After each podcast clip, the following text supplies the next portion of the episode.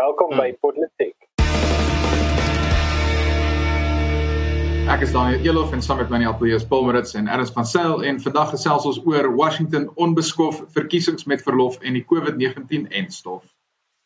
Reg, so kom ons nou nonsens bietjie uh, hierdie week se politiek en ek dink 'n woord wat ons definitief voor siek en sat al gaan raak en uh, is die woord verkiesing want reg oor die wêreld is daar verkiesings wat nuus maak en nuus rondom verkiesings wat almal aan die klets het. Maar kom ons begin vandag se politieke politieke episode met 'n uh, verkiesing in ons tuisdorp van Suid-Afrika. Uh, Paul, wat se nuus het jy vir ons daar om te deel?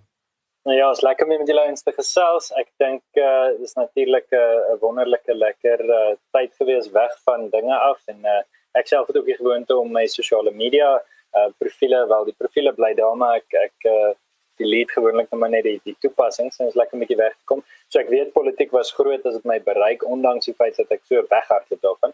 Ehm um, dit is tyd om 'n bietjie te praat oor uh verkiesings en natuurlik politiek het begin um in 'n jaar van uh voor Suid-Afrikaanse verkiesings en dit was natuurlik ons in 2018 begin en begin praat oor 2019 en ons het verlede jaar ook so hier en daar gepraat oor die munisipale verkiesings van 2021.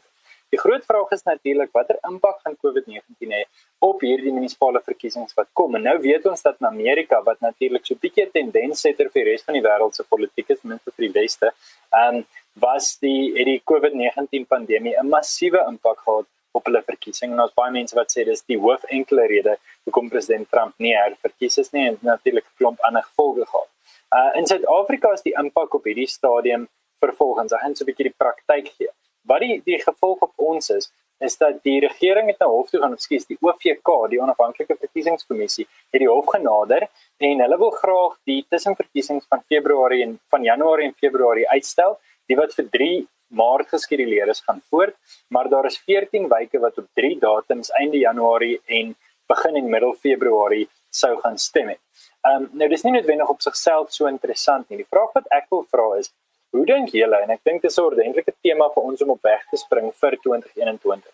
Hoe gaan COVID-19 verkiesings in 2021 en veral munisipale verkiesings in 2021 uh impakteer. Wat my betref terwyl jy julle gedagtes orden, ek dink dit gaan op die volgende manier ons impakteer. Ten eerste gaan ons 'n uh, situasie sien um waar ons regtig nie noodwendig so 'n uh, eenvoudige verkiesingsstelsel het soos gewoonlik nie. Ek sê nie dit is gewoonlik polities eenvoudig nie, maar vir die kiezer is dit eenvoudig. Jy het gewoon opgedaag net gaan stem. Selfs al stem ons in Junie, Junie, Julie of Augustus, gaan dit so wees dat gesondheidsrisiko's baie meer in ag geneem gaan word. Daar gaan dalk baie meer punte moet wees en die sekuriteit en die veiligheid by al daai punte gaan goed moet wees. Maar die gevolg van meer stempunte is dat daar 'n baie groter geleentheid is vir bedrog ek weet die ANC vat histories nie um munisipale verkiesings so ernstig op soos wat hulle nasionale verkiesings vat nie, maar ek dink dit was vir hulle verleentheid om in 2016 Johannesburg en Pretoria te verloor en ek dink hulle gaan hard probeer om dit nie weer te doen nie. So um gesamentlik met die risiko van meer korrupsie, gesamentlik met die ANC wat dalk sterker doen en aan einde van 2020 beter gedoen het in tussenverkiesings, wonder ek of die EFF dalk minder van 'n rol gaan speel omdat hulle alreeds bietjie in die in die knyp is wat begrotings betref, dat hulle dalk minder geld gaan gee um, en dat gevolglik daai wyke wat EFF was in 2016 wat 'n swaai veroorsaak het in Pretoria en Johannesburg, dat dit nie noodwendig weer EFF toe sal gaan nie, maar eerder ANC toe sal gaan. Dis my gevoel, Daniel, wat dink jy? Hmm. Wel uh, uh iets wat ek net uh, miskien wil bylas hier, so is dat ehm um, as mens kyk na die uh COVID pandemie en die uh, staat van inperking wat ons sover gehad het, uh, is dit definitief dat ek dink dit gaan die bepaler wees in terme van hoe die munisipaliteite gevaar het gedurende die pandemie en gedurende die staat van inperkings. En ek bedoel ons het baie munisipaliteite gesien wat gedurende hierdie tyd absoluut uh, horribaal gedoen het. En ek dink wat op die ou end gaan gebeur en jy's 100% reg Paulus as jy sê daar dat daar meer stempunte gaan wees en die die risiko van uh van bedrog wat daarmee saamkom. Ek dink wat ons hierso gaan sien definitief is eintlik chaos. Ek dink dit uh, gaan voortgaan. Ek is nie so ek het nie so sterk gevoel dat die ANC dit gaan probeer uitstel die verkiesing nie. Maar ek dink wat gaan gebeur is, is hulle gaan dit probeer laat voortgaan, maar ons gaan absolute chaos sien. Ek dink nie die administrasie gaan enigsins goed genoeg wees nie en ek dink dit gaan 'n groot verleentheid vir die land wees. En wat saam met hierdie chaos gaan kom is die feit dat ek dink baie van wat ook al die resultate is gaan daar baie onsekerheid rondom wees, baie kontroversie rondom dit weens al hierdie chaos wat ek voorspel. Ek dink regtig nie dit gaan 'n 'n mooi affære wees nie en ek dink daar gaan baie onsekerheid wees. Daar gaan baie stories ek dink uh, na vore kom van uh, wanadministrasie, baie stories van uh, ek dink mense wat die wat daai hierdie nuwe of unieke geleentheid probeer gebruik om bedrog te pleeg. Ehm um, en ek dink dit gaan dit gaan die groot risiko's wees en ek dink ons is in vir 'n interessante verkiesing maar terselfdertyd ek dink daar gaan ehm uh, baie mense baie onge ongelooflik ontevrede wees met hoe dit gehandhaaf is en uh, wat hulle gaan sien op die grond. Ek ek moet saamstem met Erns dat ek dink nie die verkiesing gaan uitgestel word nie. En as ek nou sê die verkiesing verwys ek na die munisipale verkiesings later hierdie jaar. Ek Ek dink dit dit behoort nog steeds plaas te vind in min of meer Augustus wanneer dit gewoonlik sou plaasvind. Ehm um, ek ek dink hierdie verkiesings wat die OVK nou in Maart wil wil uitstel, is kleiner verkiesings, dis tussen verkiesings en en dis nou maar weens die praktiese aard daarvan. Ehm um, die die die groot ding is daar's nie eintlik uh, bemagtigende bepalinge in in enige wetgewing wat die OVK of enige liggaam of owerheid of regering uh, die die uh vermoë gee om 'n nasionale verkiesing of 'n munisipale verkiesing uit te stel of af te stel nie. So ek dink dit behoort plaas te vind. Ek dink uh Ernst slaan die spyker op die kop dat dit gaan chaos wees want hulle gaan probeer om sosiale uh, afstand te handhaaf, hulle gaan probeer om te saniteer en al daai goed en ons weet dit gaan eenvoudig nie gebeur nie. Maar ek dink die belangrikste ding en en die die dalk die blink kant aan hierdie storie is ons moet net onthou dat COVID-19 teiken nie goed soos verkiesings nie. COVID-19 is volop op strande ehm um, en in 'n nasionale parke. Dis dis nie 'n probleem vir wanneer dit kom by verkiesings nie. So ek weet nie waar is enigiemand bekommerd nie.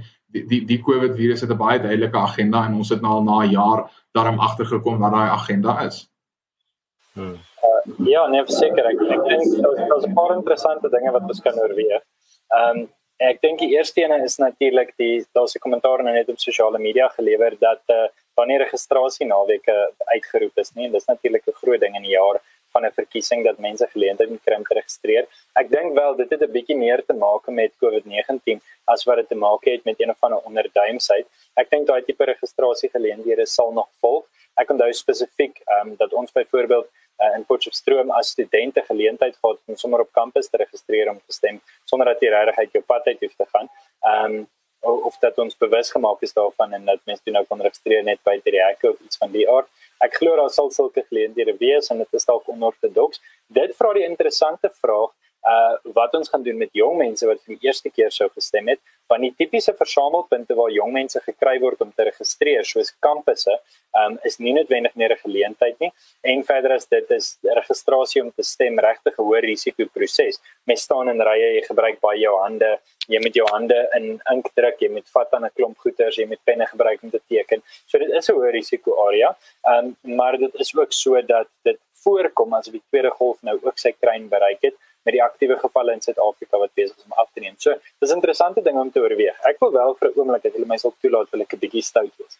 Ehm um, ek wonder tog of daar nie 'n klein deeltjie van die Suid-Afrikaanse veral die regerende party met dan van die Suid-Afrikaanse regering as geheel nie 'n klein deeltjie is wat so bietjie hoop dat hierdie regerings later in die jaar is en dat dit of dalk self dat dit uitgestel word nie. Ek dink dit gaan gebeur nie, maar daar is tog 'n deel van die regering dink ek wat dit wil hê. Vir 'n eenvoudige rede dat die bietjie beleid wat hulle gehad het en wat hulle wou uitvoer en ek ek meen die ANC wil nie noodwendig um so graag uh noodwendig uh hulle hou eintlik van verkiesings en hulle wil nie so erg regeer nie. Ek verstaan dit en ons het al baie gekla oor die ANC maar ek dink tog hulle kans om effektief te wees om so bietjie hier en daar in sekere metropole die mense verkeerd te bewys is in die wiele gery en daar waar hulle dalk 'n goeie plan of twee gehad het kon dit ook nie gebeur het nie. So ek wonder of of 'n uh, eh, regering of munisipaliteite nie so bietjie meer tyd sou waardeer nie.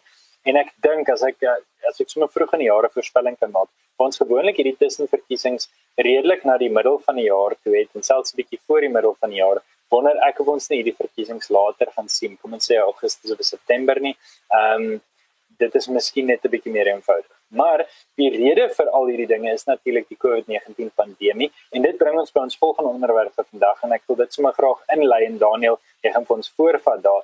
Dit is natuurlik die vraag oor enstof en baie vrae wat daaroor gevra word. Ehm um, Daniel, dink jy ons moet hom kry of dink jy ons moet hom vermy? Is dit 'n manier om die wêreld te oorheers uh of of is ons veilig?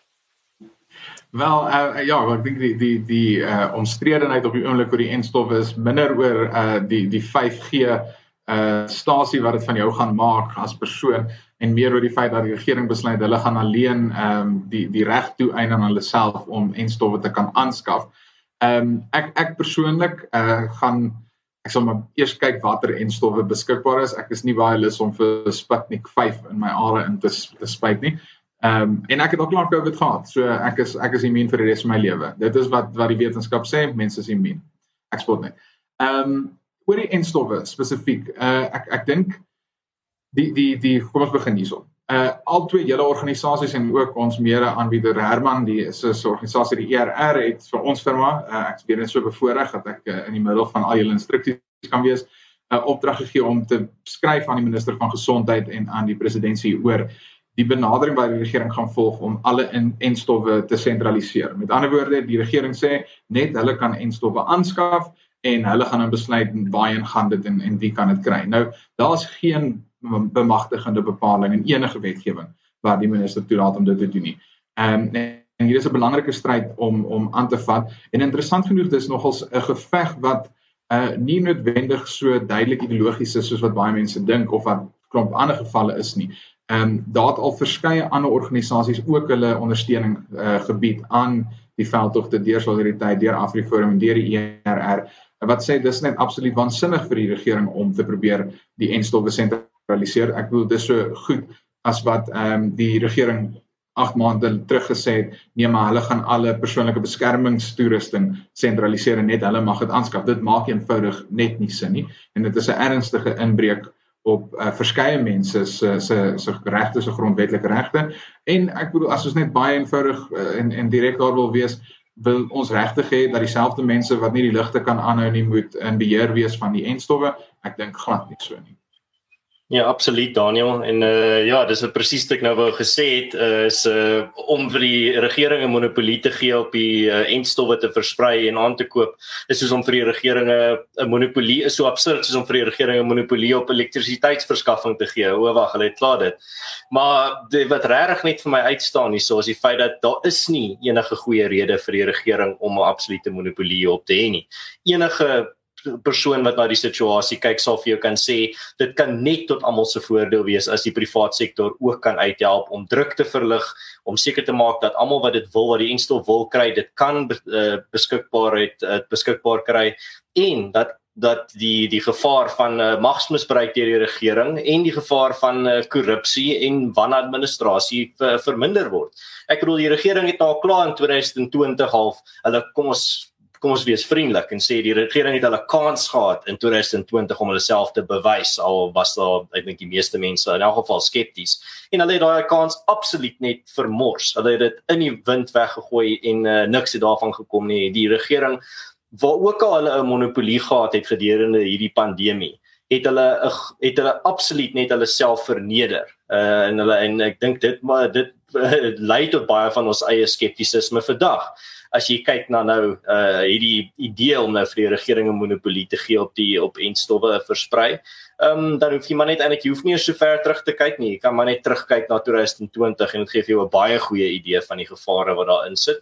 En ek dink enige denkende persoon wat na die situasie kyk sal sê dit is die absolute uh regte ding om te doen om die privaat sektor te bemagtig om ook die enstof te versprei. En ek dink regtig ehm um, die oorweldigende hoeveelheid van die publiek saam met ons saamstem uh in hierdie in hierdie saak. Uh dit is regtig nie vir my 'n kontroversiële standpunt om in te neem nie. Eintlik inteendeel, dit is vir my die die uh rasionele standpunt om in te neem. Wel, wel Anders, ek ek wil net sê Ramaphosa het vir ons beloof hierdie keer gaan anders wees. Hy het gesê dit sal nie weer dieselfde wees as met die PPE nie. Ehm um, ek ek wil ek wil so 'n bietjie dit verdiep as ek mag en dit sal vroeg in die jaar, dit was nog vroeg in die jaar. Ons altyd tyd vir 'n bietjie filosofie. Ek het die vakansie het ek met hierdie boekie te doen gekry. Um Plato se Republiek, wat sê? Um en ek het veral gefokus op hoofstuk 8, boek 8 wat gaan oor hoe mens van aristokrasie val na tirannie. Die mees interessante opmerking wat Plato maak wat vandag nog relevant is. Vir dis nie die mees interessante nie, daar's 'n klomp ander goed wat vir my baie interessant was. En is regtig om te werk om jouself te verdiep in die klassieke bronne. Maar hy maak 'n interessante punt natuurlik dat die tiran altyd gaan opstaan vanuit die massas wat 'n held soek om hulle te beskerm teen hulle wat gesien word as die bedreiging. So jy het hierdie idee wat die wat die hele wêreld het van waar kom die bedreiging vandaan?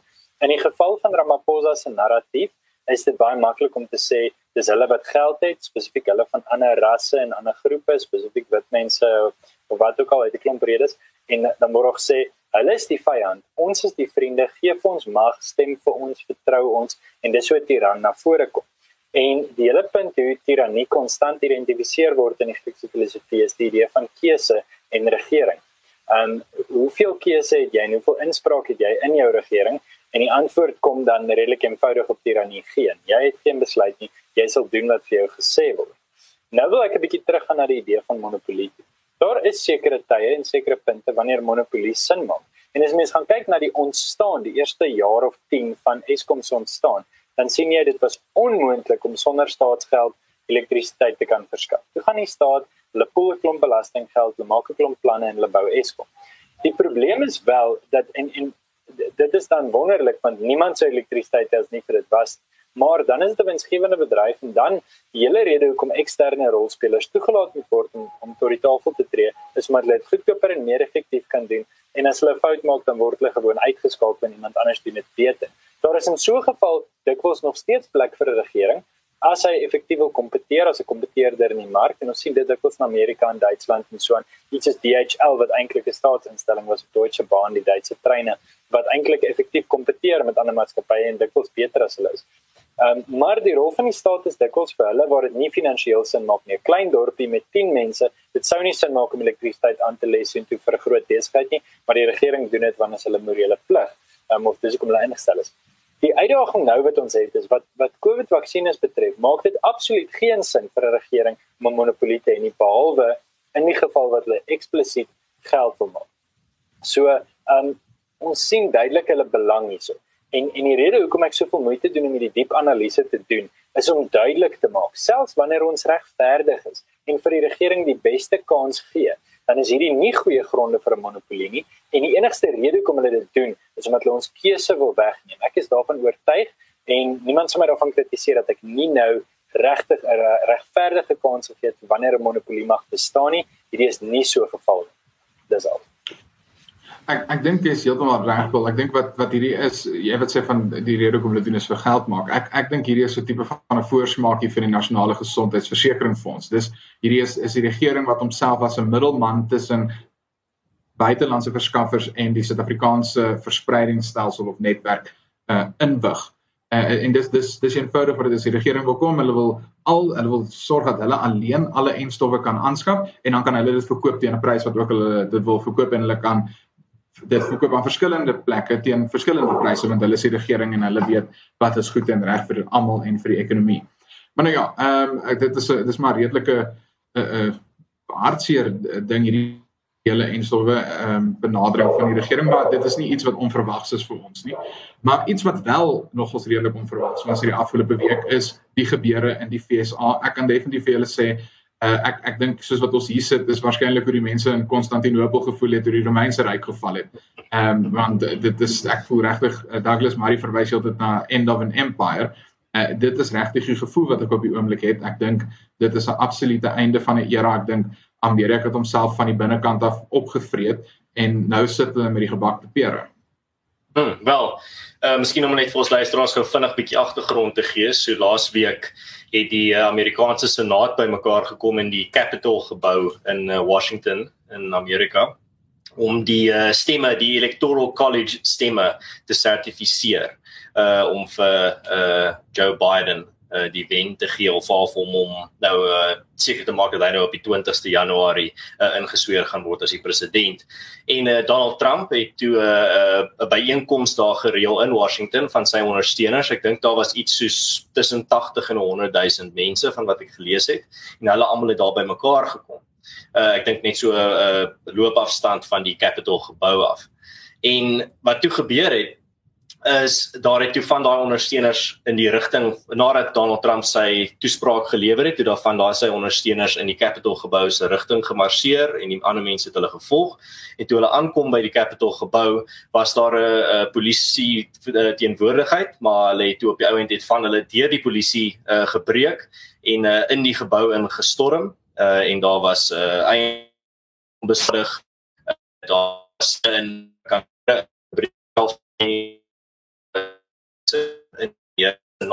kom al senare was maar reg uit die gebou uitgeneem. Uh en toe wat gebeur het daarna Wel ook nog op daai dag was daar ook een van die ehm um, een van die mense wat ingestorm het by die uh, Capitol gebou is toe ook uh, doodgeskiet deur die polisie. En uh wat toe daarna gebeur het, wel dit is die die absolute chaos wat daar gebeur en toe daarna toe is uh ek dink die ja die naweek van daai week hierdie uh, naweek wat nou verby was of die die vorige naweek toe het uh, Donald Trump sy Twitter rekening verloor. Ehm um, so hy is toe die die sittende president van Amerika het toe sy Twitter met ek dink 85 miljoen volgers op Twitter uh, is toe verwyder deur die Twitter maatskappy. Uh en uh, dit is toe hulle hulle uh regverdiging daarvoor was toe die feit dat uh, hierdie ondersteuners van hom met die die kapitaal gebou ehm um, bestorm.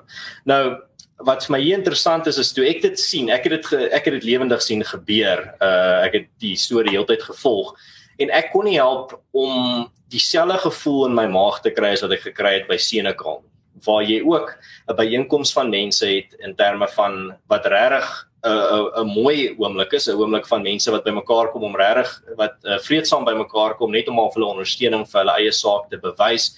Uh, geen gewelddadigheid daar nie en dan op die ou end aan die einde gebeur daar iets wat die hele storie dan verander en dan uh, rapporteer die hoofstorie media glad nie op die die hoofstorie eintlik en dit is die uh, wat veronderstel was om die hoofstorie te wees nie, maar dan rapporteer hulle op die uh, die insident aan die einde en ek dink daar's 'n les tog hier hier uit om te leer en dit is die uh die siel ek dink daar's baie lesse om te leer in terme van die sielkunde van die van die trop of die sielkunde van 'n skare.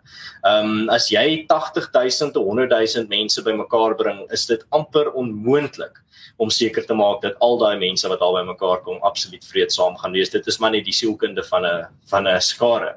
En uh, ek en dis hoekom ek nie regtig saamstem met samesweringsteorieë dat ehm um, die mense wat die die kapitaal gebou bestorm het daar geplant was nie. Ek dink dis in terme van my eie ervaring met skare is dit absoluut natuurlik. Dit is iets wat uh, wat mense regtig wat natuurlik gebeur met 'n skare veral as emosies hoog is as dit kom by 'n kontroversiële saak soos 'n uh, verkiesingsbedrog maar ek sal graag wil hoor wat uh, wat julle ouens daaroor dink. Ehm dankie Erns. Ek gaan ek gaan wegspring. Ek is redelik oortuig Daniel dat ek nie saamstem dat hierdie die einde van die van die FSA ehm um, is in terme van hulle hulle bestuur oor die oor die wêreld of beheer ten minste oor die narratief nie. Inteendeel dink ek hierdie gaan die teenoorgestelde effek hê. Ehm um, 'n paar dinge het gebeur. So net net vinnig dat ek net my my eie konteks verduidelik. Ek het die vakansie benewens klaar toe ook Civilization van Neil Ferguson gelees en ek het onder die duidelike indruk gekom dat beskawing se grootste probleem kom in as daar een baie sterk mag is. Solank dit beskawing binne homself met homself kompeteer, is dit nie noodwendig 'n krisis nie. Onthou, die ehm um, Katolieke en die Protestante was besig om mekaar uit te moer baie erger as ons nou in Amerika sien terwyl die weste sy dominansie bevestig het en op die rug daarvan sy dominansie bevestig het.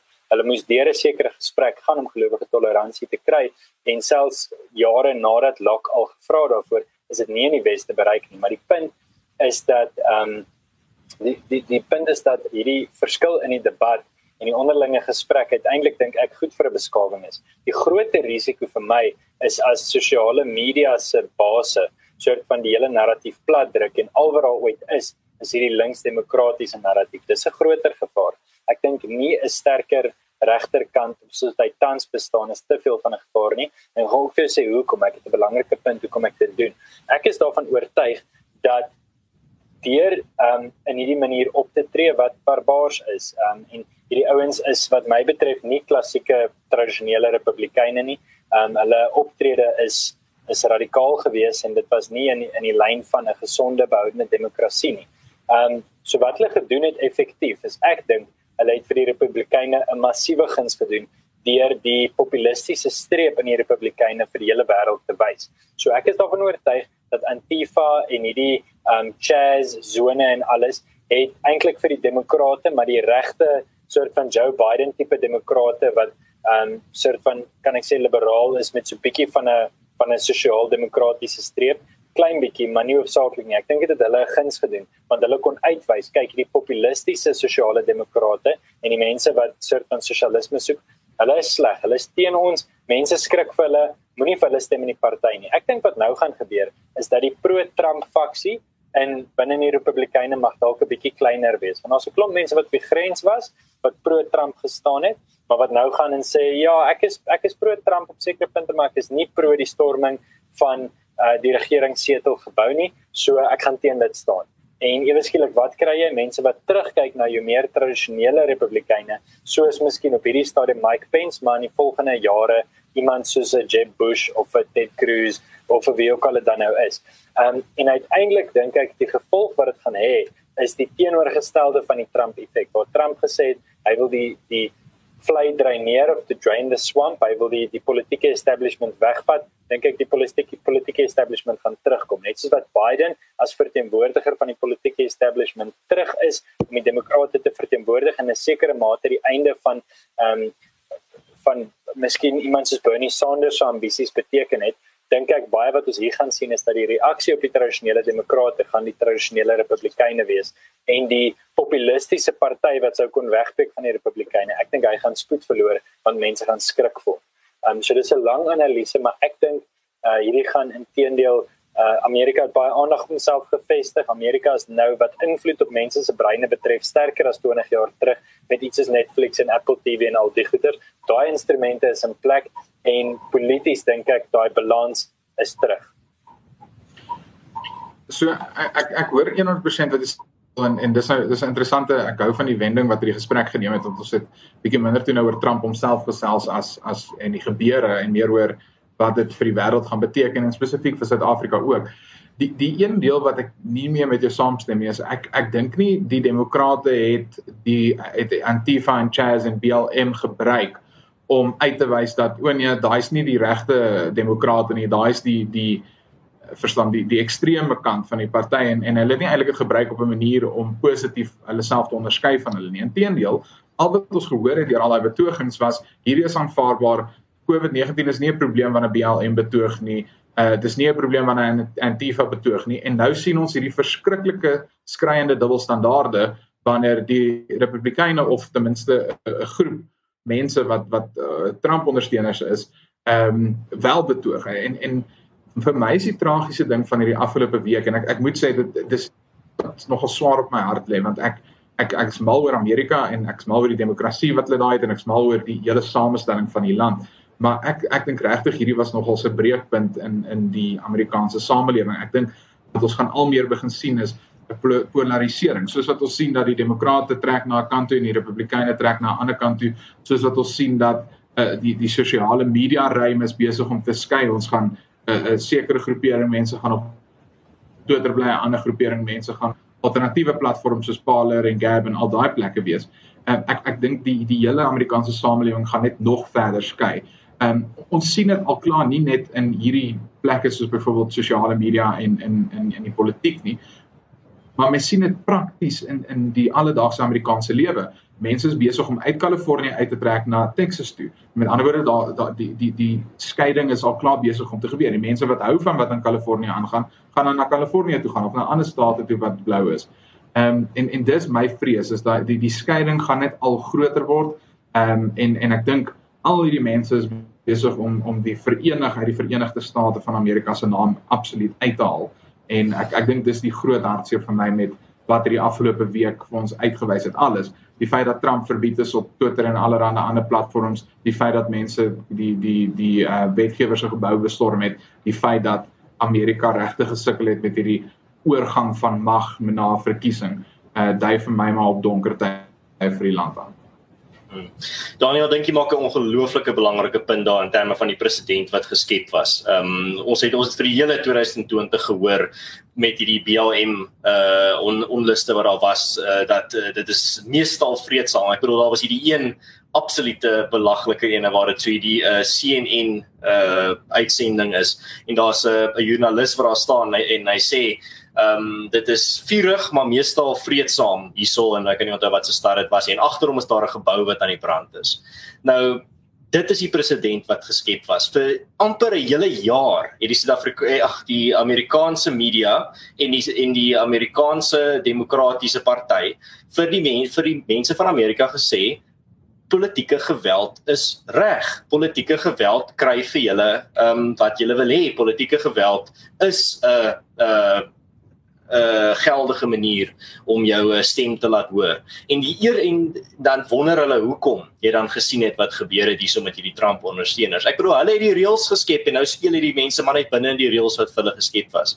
Maar ek dink iets anders wat ek ook gehoor het wat regtig net vir my belaglik is, is die woord staatsgreep. Um, as jy enigiemand na hierdie sien wat na hierdie kyk wat gebeur het in Washington met daai Trump ondersteuners en hulle noem dit 'n